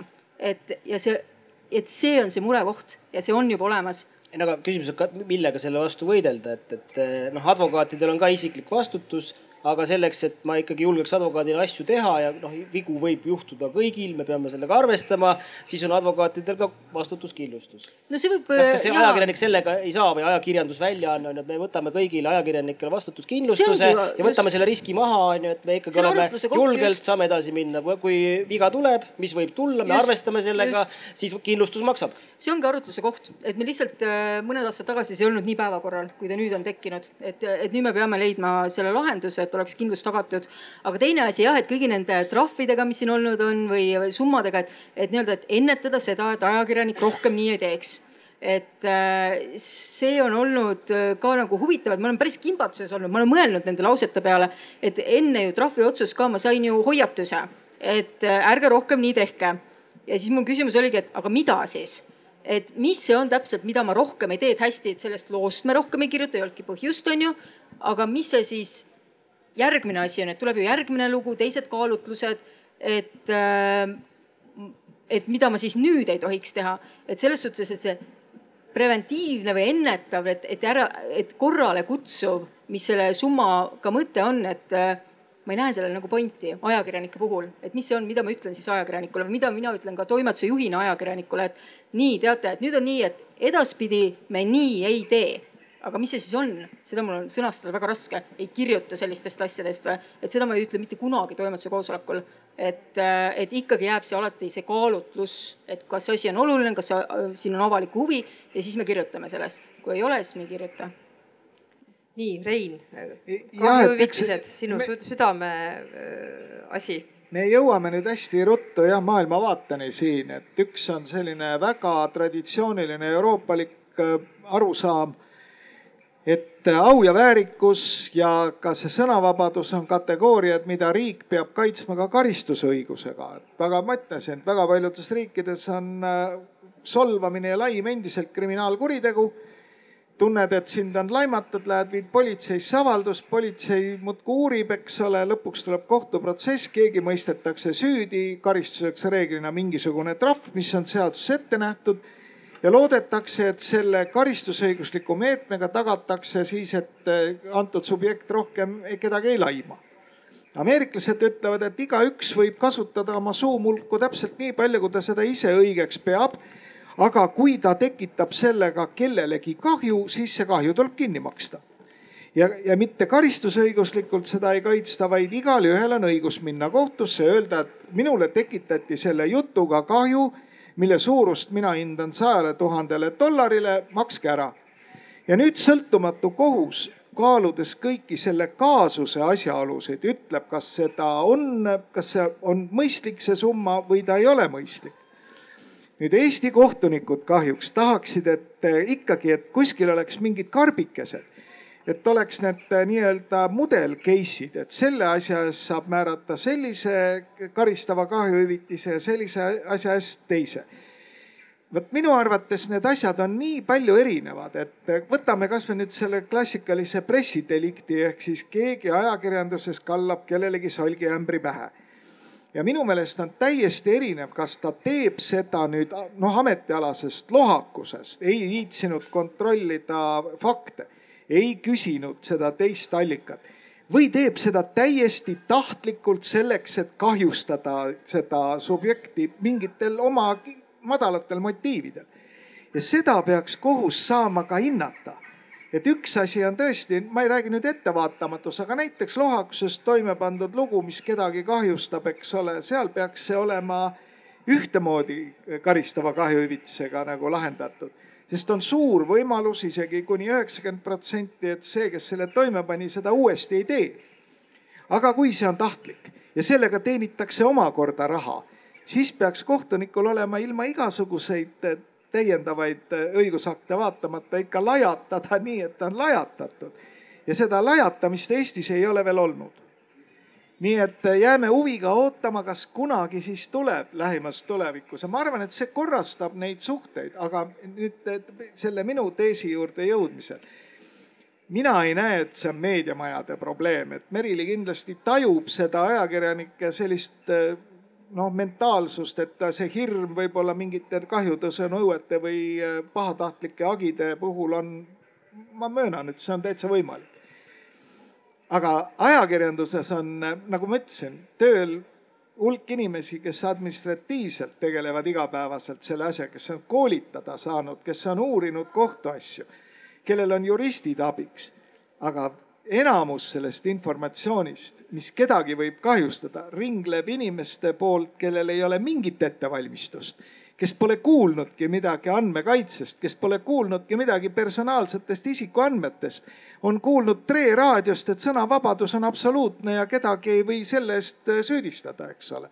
ja kallab naabrimehele ämbri pähe ehk siis mis me räägime sotsiaalmeediast. mis siis saab? nojah, me nimetame seda kahetsusväärselt nagu sotsiaalmeediaks, mis ei ole minu meelest sugugi õige termin ega need eh, suunamudijad ja arvamusliidrid, kes on endale domeeni registreerinud ja üritavad maksimaalselt nendele tähelepanu eh, saada et see ei ole ju klassikaline sotsiaalmeedia, sotsiaalmeedia on ikka mingite kirjade vahetamine, aga need on juba väljaanded. nojah, seda küll, aga, aga ütleme, kui me räägime internetist, siis internet noh, internet ei ole ju avalik ruum. Internetis ei ole seda tänavanurka, kuhu sa plakatiga lähed, on ju, et see on, see on, see on alati ju kellegi, kellegi platvorm, kus sa, kus sa seda avaldad et seal on, seal on, seal on, seal on ühest küljest on ta avalik noh, vaatamise mõttes on ju, aga, aga ta on reeglina ju, eriti kui me sotsiaalmeediast räägime no. ta on ju allutatud mingisugustele reeglitele. Aga no seda ma nagu ütlengi, et tegelikult on sõna sotsiaalmeedia vale. Ja kui me jälgime neid Ameerika viimase aja debatte, siis seal ju joonistub ka tegelikult välja kahe suure erineva arusaam, et kui Meta ehk Zuckerberg on korduvalt öelnud, et las riigid kehtestavad kas siis rahvusvaheliselt või riikide kaupa mingid regulatsioonid minusugustele, siis Elon Musk ütleb, et mingeid regulatsioone pole vaja, aga et igaüks, kes seda kasutab, seda platvormi, peab olema identifitseeritav ja kui ta tekitab kellelegi kahju siis saab teda kohe hageda, need on maailmavaateliselt kaks täiesti erinevat kontseptsiooni no,. seda küll, aga kui me räägimegi Euroopast, siis meil ikkagi ju on vahendajatele vastutus äh, ette nähtud, on ju no seda küll, aga kui ma ikkagi, võtame nüüd ikka selle klassikalise uue, uue tüübilise ajakirjanduse ehk need suunamudijad ja muud arvamusliidrid ma ostan endale läpaka, panen sinna peale vajaliku tarkvara, kulu kokku kolmsada eurot, eks ole, ja asun äh, levitama informatsiooni. ja sealt on ainult üks samm, eks ole, isikuandmete kasutamiseni ja muudkui kasutan ja ei ole kuulnudki sellest, et igasuguste isikuandmete kasutamiseks peab olema inimese luba, eks ole. Vaid olen pigem kuulnud, et mingit luba pole vaja, võin muudkui aga lajatada. ja nüüd ma tekitan sellega nagu kahju ja mis siis saab? et see, kes on kahju nüüd kandnud, ta peab millegi vastu minema. Ekspressi vastu on imelihtne minna, sest et kodulehelt saad teada, keda sõimata. Aga kas, seal. kas siis sinu sõnum on see, et see on see meie õiguskaitse tõhususe ma arvan, et see on õiguskaitsel praegu üks kõige tõsisemaid lünkasid, et sa tegelikult, kuigi need mõjud, nende üksikute blogijate ja arvamusliidrite ja suunamudijate mõju võib olla kohati üksikisikule suurem kui Eesti Ekspressil siis need ohvrid ei oma kaugeltki sellist võimalust õiguskaitseks nagu Ekspressi vastu minnes. milles see õiguskaitse lünk seal täpsemalt seisneb? sa saad välja nõuda selle, kes selle asja üles pani eh, noh, see võtab küll natuke aega, aga selle asja nimi juriidiliselt on eeltõendamismenetlus. nüüd Riigikohus seda siin ilusti ütles selgesõnaliselt hiljuti välja ühes lahendis, et seda saab sellel eesmärgil kasutada, et välja selgitada, kes on kostja, onju kelle vastu ma hagi esitan, kes see kurat selle sinna, see mingi väle põder seal Facebookis on, on ju, kes oma nime all avaldab. selle me sinuga koos tegime muuseas, et need ja, ja, ja, no, on kohtu... võimalik välja nõuda aga no ütleme niimoodi, et. Kas... aga äkki me küsime Maarja käest, et noh, kui tuleb õnnetu inimene tema advokaadibüroo uksest sisse ja. E, mis see tunnihind on, ütle ära. ja, ja see tunnihinna küsimus on, on mure küll, et, et ma selles osas päris seda hea vaadet ei jaga. Et äh, ei saa nagu päris midagi teha ja Urmas tõi ka välja, et meil eeltõendamismenetlus, meil on üks väga uhke värske riigikohtu lahend, kuidas see kõik käib, et seda ei keelatudki ära, vahepeal olid justkui käisid sellised jutud, et see on põhiseadusega vastuolus ja Euroopa Liidu õigusega. aga jah, selles osas ma olen täiesti nõus Reinuga, et ähm, mida teeb inimene, kes ei tea isegi, kes on advokaat, kes ei tee võib-olla vahet, kes on prokurör, advokaat või kohtunik, kes on sattunud just sellise kiusamise ohvriks. ja me oleme ka näinud tõesti kaasuseid, kus ähm, inimene ka juba kuritegu meenutavas olukorras pöördub siis ka politsei poole, ütleb, et on ahistav jälitamine ja keegi ei taha menetleda neid asju, kes neid gigante puudutavad et praegu on teatud sellised punktid juba tekkinud ka Tiktoki sellise kontaktiga võimalik ühendust saada Eestis ja nii edasi, aga just see interneti kättesaamatus ja teinekord selline võib-olla abita jätmine ja kui ei ole tõesti kulutada raha õigusabi peale või, või ka tasuta õigusabi näiteks ei soovi nende muredega tegeleda, et seal on tõesti see probleemkoht. aga noh, teiselt poolt me näeme, et jällegi üks väga agar endine advokaat on teinud kõik selleks, et kõik teaks, et anonüümsed kommentaarid on halvad ja neid võetakse vastutusele et noh, mõneti see on nagu hakanud ka muutuma, et inimesed on teadlikumad, et kui nad midagi kirjutavad, siis sellest võib tulla üks nõudekiri. jah, teinekord võib-olla seal ei ole põhjust reageerida sellele aga kõik ei mõtle alati väga heatahtlikult, nii et mure on, aga võib-olla see raskuskese on pisut teises kohas. aga see ei ole küsimus mitte sellest, et me ei saa sotsiaalmeedias avaldatuga tegeleda, vaid noh, see on küsimus üldisest õigusabi, kvaliteetse õigusabi kättesaadavusest on ju. sellega ma olen nõus, see on probleem, et meil on täna, eks ole, tekib noh, advokaaditeenus on kallis selgelt eriti kvaliteetse advokaaditeenus on ju noh, ma ise mäletan advokaadiajast niisugust korralikku kohtuvaidluse pidamine, noh alla kolmekümne tuhande pole mõtet sinna minna, on ju. kui sa tahad nagu Eesti tipp, tippudega vaielda, tead, et vastaspoolel on tippadvokaadid. Ja, ja, ja teistpidi on meil noh, ütleme keskmise palga või ma ei tea, kasvõi kahekordse keskmise palgaga inimene, kellel pole seda raha, noh, ta ei ole, noh, võib-olla tal isegi on kolmkümmend tuhat on ju pensionisambas, aga noh, et ta siis peab kõik selle säästud sinna ära panema. et siis tal tekib noh küsimus, kust ma selle võtan, on ju, et kas see on seda väärt, ma müün auto maha ja lähen vaidlen Äh, ja tema ei kvalifitseeru riigi õigusabile on ju, et riigi õigusabi jaoks sa pead olema, see on sotsiaalabi liik, sa pead olema ikkagi päriselt vaene ja, ja noh, minu meelest ei ole, ma nüüd väljendan õiguspoliitilist seisukohta, aga ei ole ka väga noh, mõistlik, et riik kütaks sinna tänase, ma ei tea, viis miljonit vist on see riigi õigusabi eelarve täna. et noh, me paneksime viisteist sinna ja tõstaksime selle latti niimoodi, et, et noh, ka kahe tuhande eurose palgaga inimene kvalifitseerub riigi õigusabile. et noh, et, et seal on selge õigusabi kättesaadavuse lünk aga noh, see lahendus on ka ikka ju tegelikult olemas, mida võiks rohkem propageerida, see on õigusabikulude kindlustus.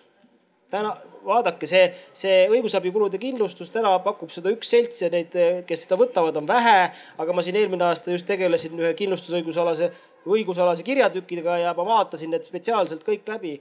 et kümne tuhande eurone kindlustuskaitse eh, kõigiks vaidlusteks maksab, mis te arvate, palju?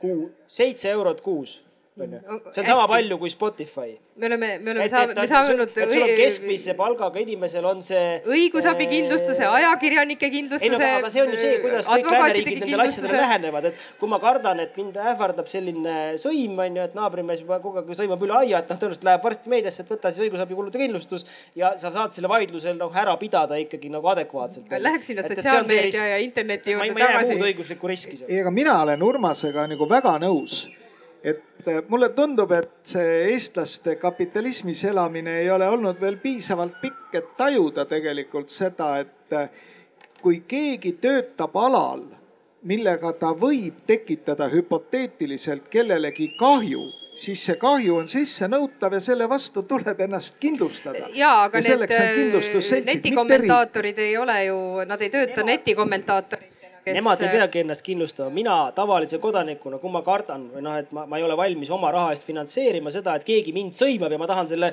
selles osas õiglusi jalule seada, tema käest kahju sisse nõuda või selle laimu või ebaõiged faktiväited sealt maha võtta, siis noh, ütleme selle ja mul ei ole no ka noh, ma ei ole riigi õigusabile kvalifitseeruv inimene, et siis mul on mõistlik võtta see seitse eurot kuus, võtta endale õigusabikulude kindlustus ja ma olen kaetud, on ju, töövaidlustega, kui mind ebaõiglaselt töölt lahti lastakse vaadatakse, ma olen kaetud meediavaidlust absoluutselt kõigi asjadega, ka siis, kui noh, mis iganes on vaja, on ju. et noh, et, et. võimalus on ka inimestele mitte närvidele käia. me ei ole harjunud selles eh, noh kontekstis mõtlema, et ma peaksin arvestama riskiga, et mul on vaja kohtusse minna või mul on vaja, ma ei tea, lepingu sõlmimisel õigusabi ja ma ei, ma ei ole võimeline seda ise finantseerima. -huh. aga, aga noh, üldiselt eh, noh, normaalsetes lääneriikides noh, see on see vahend on ju. ja, ja kui sa mõtled, et see noh, see kulu kuus on tõesti nagu sama palju kui kaks tassi kohvi või nüüd vist juba poolteist on ju inflatsiooni olukorras. või eh, noh, Spotify, et, et noh, see, see ei ole ka ütleme selline asi, mida me ei saaks mõistlikult inimeselt eeldada, selle kulutuse tegemist nii hästi, kas publikum tahab ka vahepeal küsida mõne küsimuse? aitäh, Margit, olen töötanud nii ametniku kui suhtekorraldajana ja mulle väga pakuvad huvi regulatsioonid ja te selle kindlustuse jutuga hakkasite juba sinnapoole liikuma, et vilepuhujate kaitse seadus. Ja tahaks küsida teie arvamust, et kas meil on üldse sellist asja vaja, et ähm, Euroopa Komisjon küll näeb ette, et me võtame selle direktiivina üle, aga just äh, selles kontekstis, et kui meil on mingid materjalid lifti unustatud. tihtipeale see unustamine juhtub äh, meelega, et kui keegi äh, pahatahtlikult tahab lekitada mingit informatsiooni, aga võib-olla tal on ka päriselt mure, et ta tunneb, et ta oma töökeskkonnas ei saa seda teistmoodi väljendada kui kuskile siis materjale lekitades. et kuidas teie hindate, et mis me peaksime sellises olukorras tegema, et kindlustus on see, mida inimene, kes on siis nii-öelda peab ennast kaitsma seisukohast, saab ära teha, aga kas meil on vaja veel mingeid seadusi, mis hakkaks ekstra kaitsma kas ajakirjanikke, vilepuhujaid või meil on mingid teised võimalused, kuidas siis mõlemad osapooled saavad ennast kaitsta? Mina saan aru, et see puudutab nüüd seda vilepuhujate direktiivi, seal ei ole nagu, ma ei saa aru, et seal oleks ajakirjanduse kaitsega suurt pistmist, eks. et see on just see, et kui keegi nüüd võtab selle asutuse siseseks kasutatud materjali ja toimetab selle sinna ajalehetoimetusse ja kui selgub pärast, et see oligi nagu õigusrikkumine, eks ole, mis seal asutuses või firmas toime pandi, et siis see inimene on kaitse all, kuni lõpuks tuleb see hinnang. ma keeruline öelda, minu meelest see vilepuhumine ei, ei ole nagu Eestis probleem, see on pigem mingi mõne teise ühiskonna probleem, aga kui Euroopa Liit nii on otsustanud, siis ega siin mänguruumi ka ju palju pole. tõsi ma lihtsalt ütlen mõne näite, et natuke on probleeme, et äh, on üks selline kaasus, kus üks inimene oli äh, vilepuhuja. Äh, ma isegi täpsustasin aja perspektiivi. Ähm, ja sellest tuli tõsine lugu ja see probleem tuli välja ja siis teiselt poolt jälle tuvastati tema tööandja siis oli väga kättemaksuhimuline ja hakkas tuvastama, et kes see on, äh, vaatas telefoni väljavõtteid, tegi sealt tõlgenduse, et see saab olla ainult tema, kes oli vilepuhuja ja ta lasti lahti. Koondati tegelikult, et tehti selline puhas asi, et see ei saanud, et see midagi ette ei heidetud. ehk siis jah, vilepuhuja kaitsmine võiks olla teema tegelikult, ma, ma ei tea, kuidas seda seadustesse no,. jah, ma ei tea, ilmselt see vilepuhumise direktiiv tuleb meil üle võtta, ega ta täna on kehtiv ja me kaua me seda rikkumismenetlust seal saame taluda, et üks hetk läheb see valusaks. Äh, aga noh, ma, ma, ma minu arust nagu ma ei ole väga jälginud seda poliitilist debatti sel teemal, aga minu meelest see hüsteeria selle üle on ka natuke nagu üle võimendatud, et, et need on ju tegelikult need meetmed, mis seal on välja pakutud ja see ei ole eelkõige mitte ajakirjandusega seonduvalt, vaid see on organisatsioonide siseselt ja need puudutavad suuremaid ettevõtteid, et ajakirjanduse puhul põhimõtteliselt saab öelda, et noh, allikakaitse tagab selle ära, on ju, et kui ma tulen räägin teile midagi, mida mu tööandja ei taha, et ma räägin, on ju, siis te peate mind allikana kaitsma. välja arvatud, kui ma ise olen nõus sellega. aga, aga see on just eelkõige see, et kui ma lähen nagu õiguskaitseorganitesse või, või kuskile äh, sellisesse kohta. Et ja sellised meetmed ju tegelikult noh, suurtes hästi juhitud organisatsioonides on niikuinii olemas on ju, et kui te võtate suuremad ettevõtted Eestis, et noh, valdavas on kõigis olemas rahvusvaheliste standardite kohaselt tehtud sisekontrolli süsteem või, või riski maandamise süsteem ja, ja, ja need see, samasugused meetmed, mida äh, see vilepuhumisdirektiiv ette näeb, noh, on neil olemas, et see, seal ei ole midagi nagu katastroofiliselt äh, hirmsat, mis kõigi sõnavabadust või midagi ähvardaks mm. -hmm. nii tahab veel keegi vilepuhumise teemal? see vilepuhumise ja. lugu on vist jah, selline Itaalia ühiskonna probleemi äh, lahendamine läbi Brüsseli, mis on ju, mis ei ole mitte esimest korda. tõsi, meil on üks küsimus veel seal. tere, mina olen Rando Maisoo, ma olen puutunud kõikide nende probleemidega kokku tööalaselt, millest täna on räägitud, kahjuks ma kõike ei ole saanud algust lõpuni kuulata, aga huvitav vilepuhumise kohta tahtsin öelda ühe kommentaari, et see ei ole lihtsalt Itaalia teema. Äh, meil on olemas ärisaladuste kaitse regulatsioon Eestis, mis on samamoodi harmoniseeritud kõikjal Euroopas ja ajalooliselt see kujunes niimoodi, et äh, see vilepuhumise kaitse probleemistik oli sama kompoti osa. lihtsalt kompromissina see jäeti eraldi ja ajaliselt on tulnud hiljem ja selleks, et valitseks tasakaal, ärisaladuste kaitse ja siis selle ärisaladuste kaitsega kannatavate poolte huvide vahel on see vilepuhumise äh, direktiiv vastu võetud, ta ajaliselt lihtsalt tuli hiljem. selline kommentaar mm,. väga hea, saime selgeks, kuidas Euroopa Liidus asjad jupikaupa ära tehakse. nii, aga äh, meil on natukene veel aega jäänud ja, ja võtaks siis sellise mm, äh, viimase kokkuvõtliku sõnavõttu, et kui me alustasime sellest, et, et meil on veel kuus protsendipunkti paremaks saada et siis äh, kust me alustama peaksime? hakkame Urmas sinust pihta.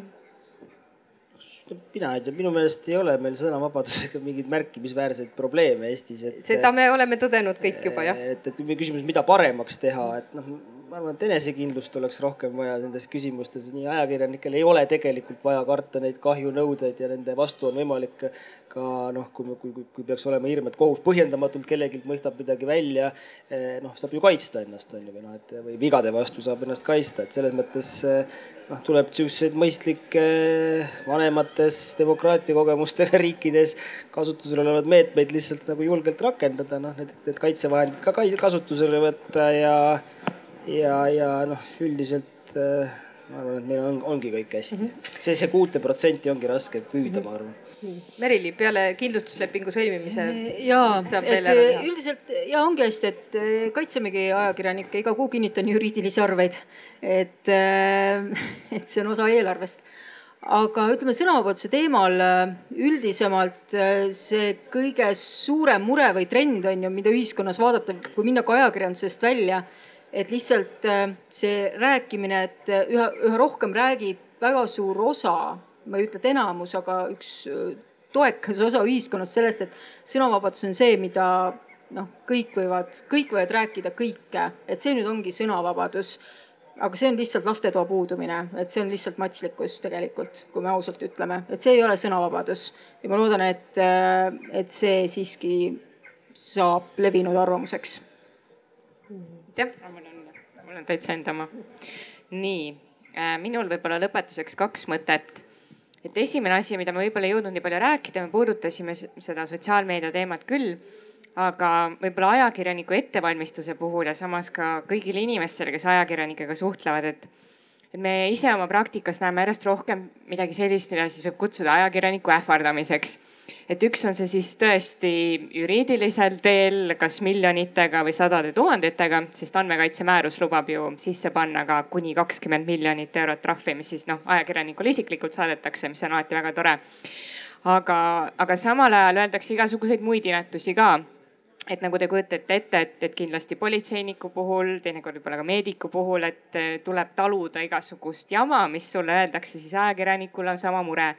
ja nüüd, kui meil on sotsiaalmeedias, siis on väga kerge ka kirjutada ajakirjanikule selle sotsiaalmeedia konto kaudu, valida välja tema sünnipäev ja muud sellised õelad õelad daatumid, et, et ma loodan, et sellest räägitakse rohkem, ka toimetustes räägitakse rohkem ja julgustatakse ajakirjanikke. et mul on alati hästi hea meel kuulda, täna ka Meril ütles jälle, kuidas nad alati ütlevad ajakirjanikele toimetustes, et ajakirjandus, toimetus ja meediamaja seisab nende taga. sest hästi vastik on nendes asjades olla üksi ja see tundub olevat kõige suurem hirm. ja samamoodi ju ka mina büroos töötajana või noh, neil on küll teine nimi selle jaoks, aga büroo jaoks töötajana tunneks ennast halvasti, kui ma tunneks, et mind jätab büroo üksi. et ähm, olgem ajakirjanikega ka sõbralikud teinekord, see võib-olla aitab kannustada noori andekaid inimesi seda rohkem tegema. ja teine asi, mis mulle kõrvu jäi ja ma loodan, et kohtunikud seda ei kuulnud, oli siis Reinu ütlus, et kohus võiks üks korralikult lajatada ka meediamajadele.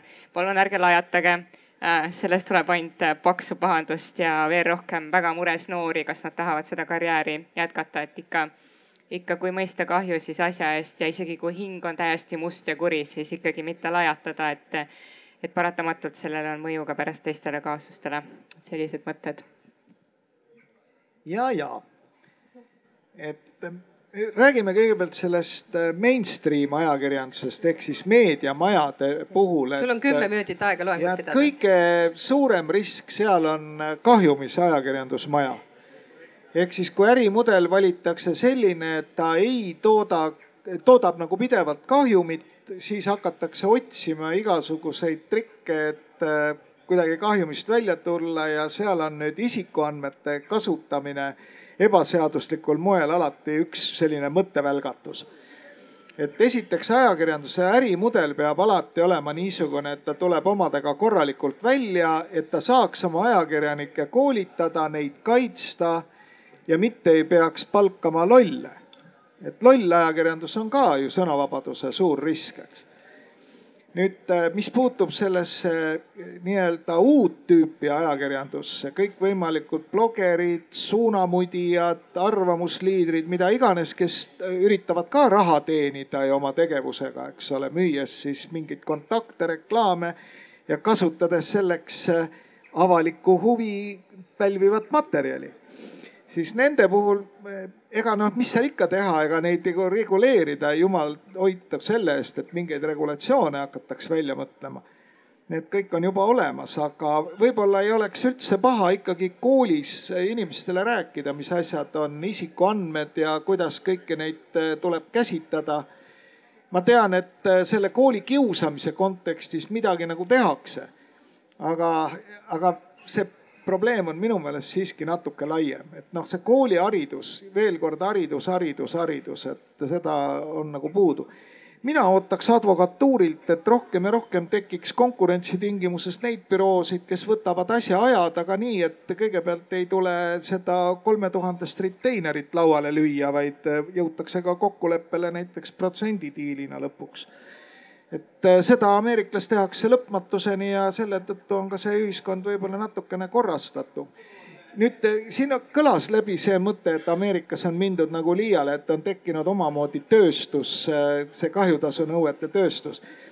see on osariigiti muide väga erinev, kui New Yorgis ja Californias kahjunõuete tööstus eksisteerib, siis umbes neljakümnes osariigis seda tegelikult ikkagi ei ole ja see põhimõte, et see, et kahjud tuleb hüvitada, see on osutunud selles riigis ikkagi väga toimivaks põhimõtteks. nii et ärme otsi siin ka, ka poliitilisel tasemel jällegi imerohtu mingitest uutest seadustest või eelnõudest või valitsuse määrustest, vaid sellisest äh, väga inimlikust ja, ja kõigile arusaadavast põhimõttest. kui sa tekitad kellelegi kannatusi ja kahju, sa pead need hüvitama ja need hüvitised peavad olema õiglased ma olen kaugel sellest, kui sa ütled, et sa kardad, et ma kasutan sõna lajatama. mina küll ei karda, kui ikka keegi pahatahtlikult järjekindlalt sigatseb, siis selle korrale kutsumiseks ongi olemas see kohtumeetod, et sa ikkagi väänad sellise karistuse, mis lõpuks mõjub.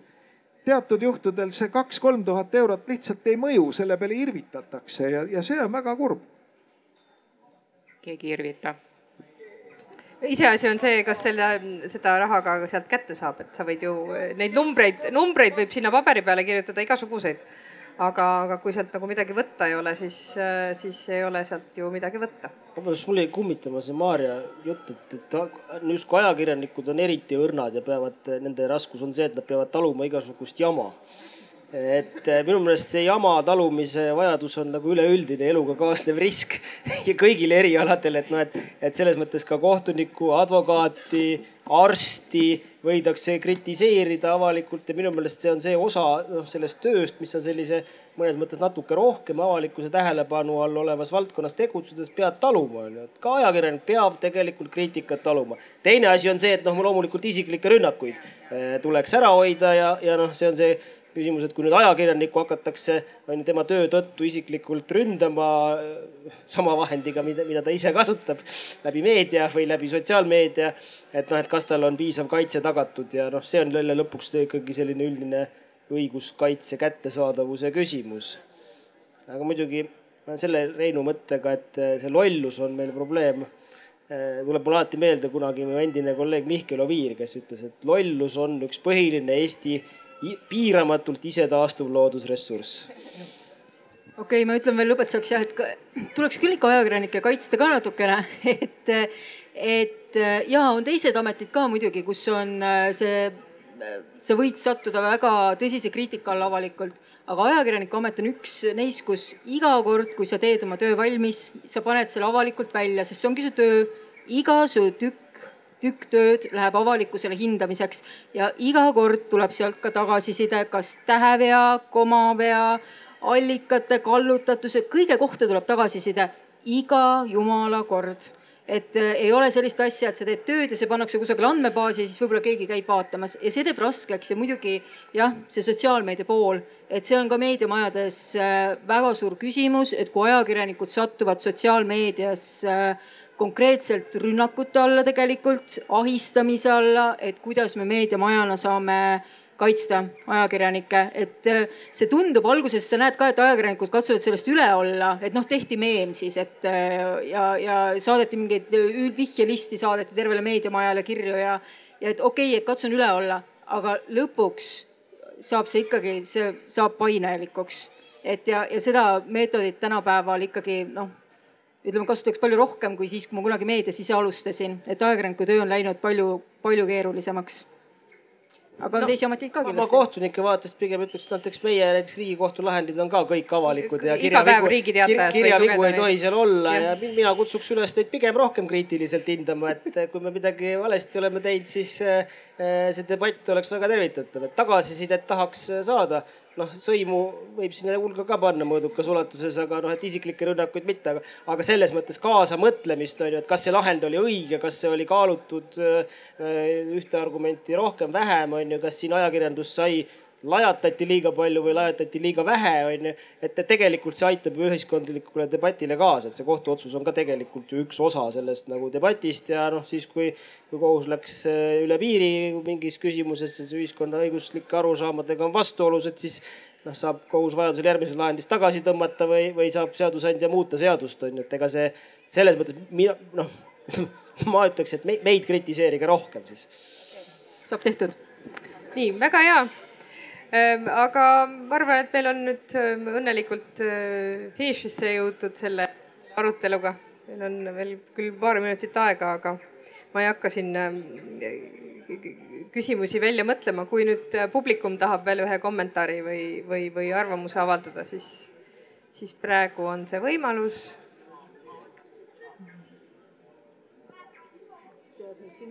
Mm -hmm.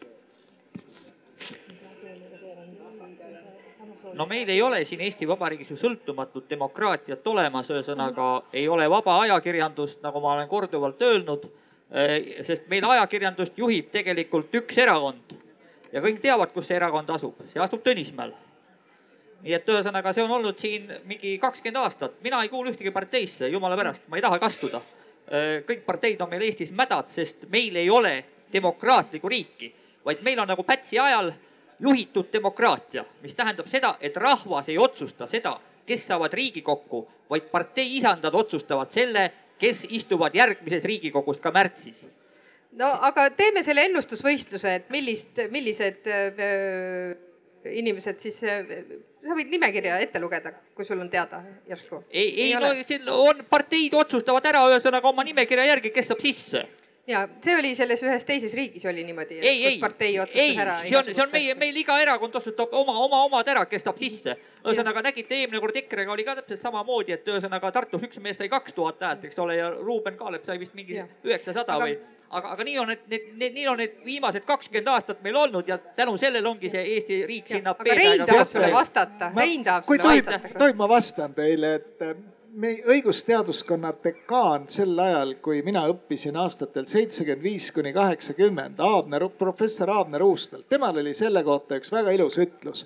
kui mingi järjekordne taat hakkas rääkima mingit punast juttu, ta lihtsalt vaatas talle otsa ja ütles, siinkohal autor eksib ei, ei, mina ei eksi, ühesõnaga see, mis ma siin ütlesin, oli tõde ja, ja see ei põle tulest. me saame aru, et, et sa oma sõnavabaduse võimalust äh, kasutada, aga ole hea, anna nüüd see mikrofon Kristile tagasi, et võib-olla keegi teine tahab ka veel oma sõnavabadust kasutada.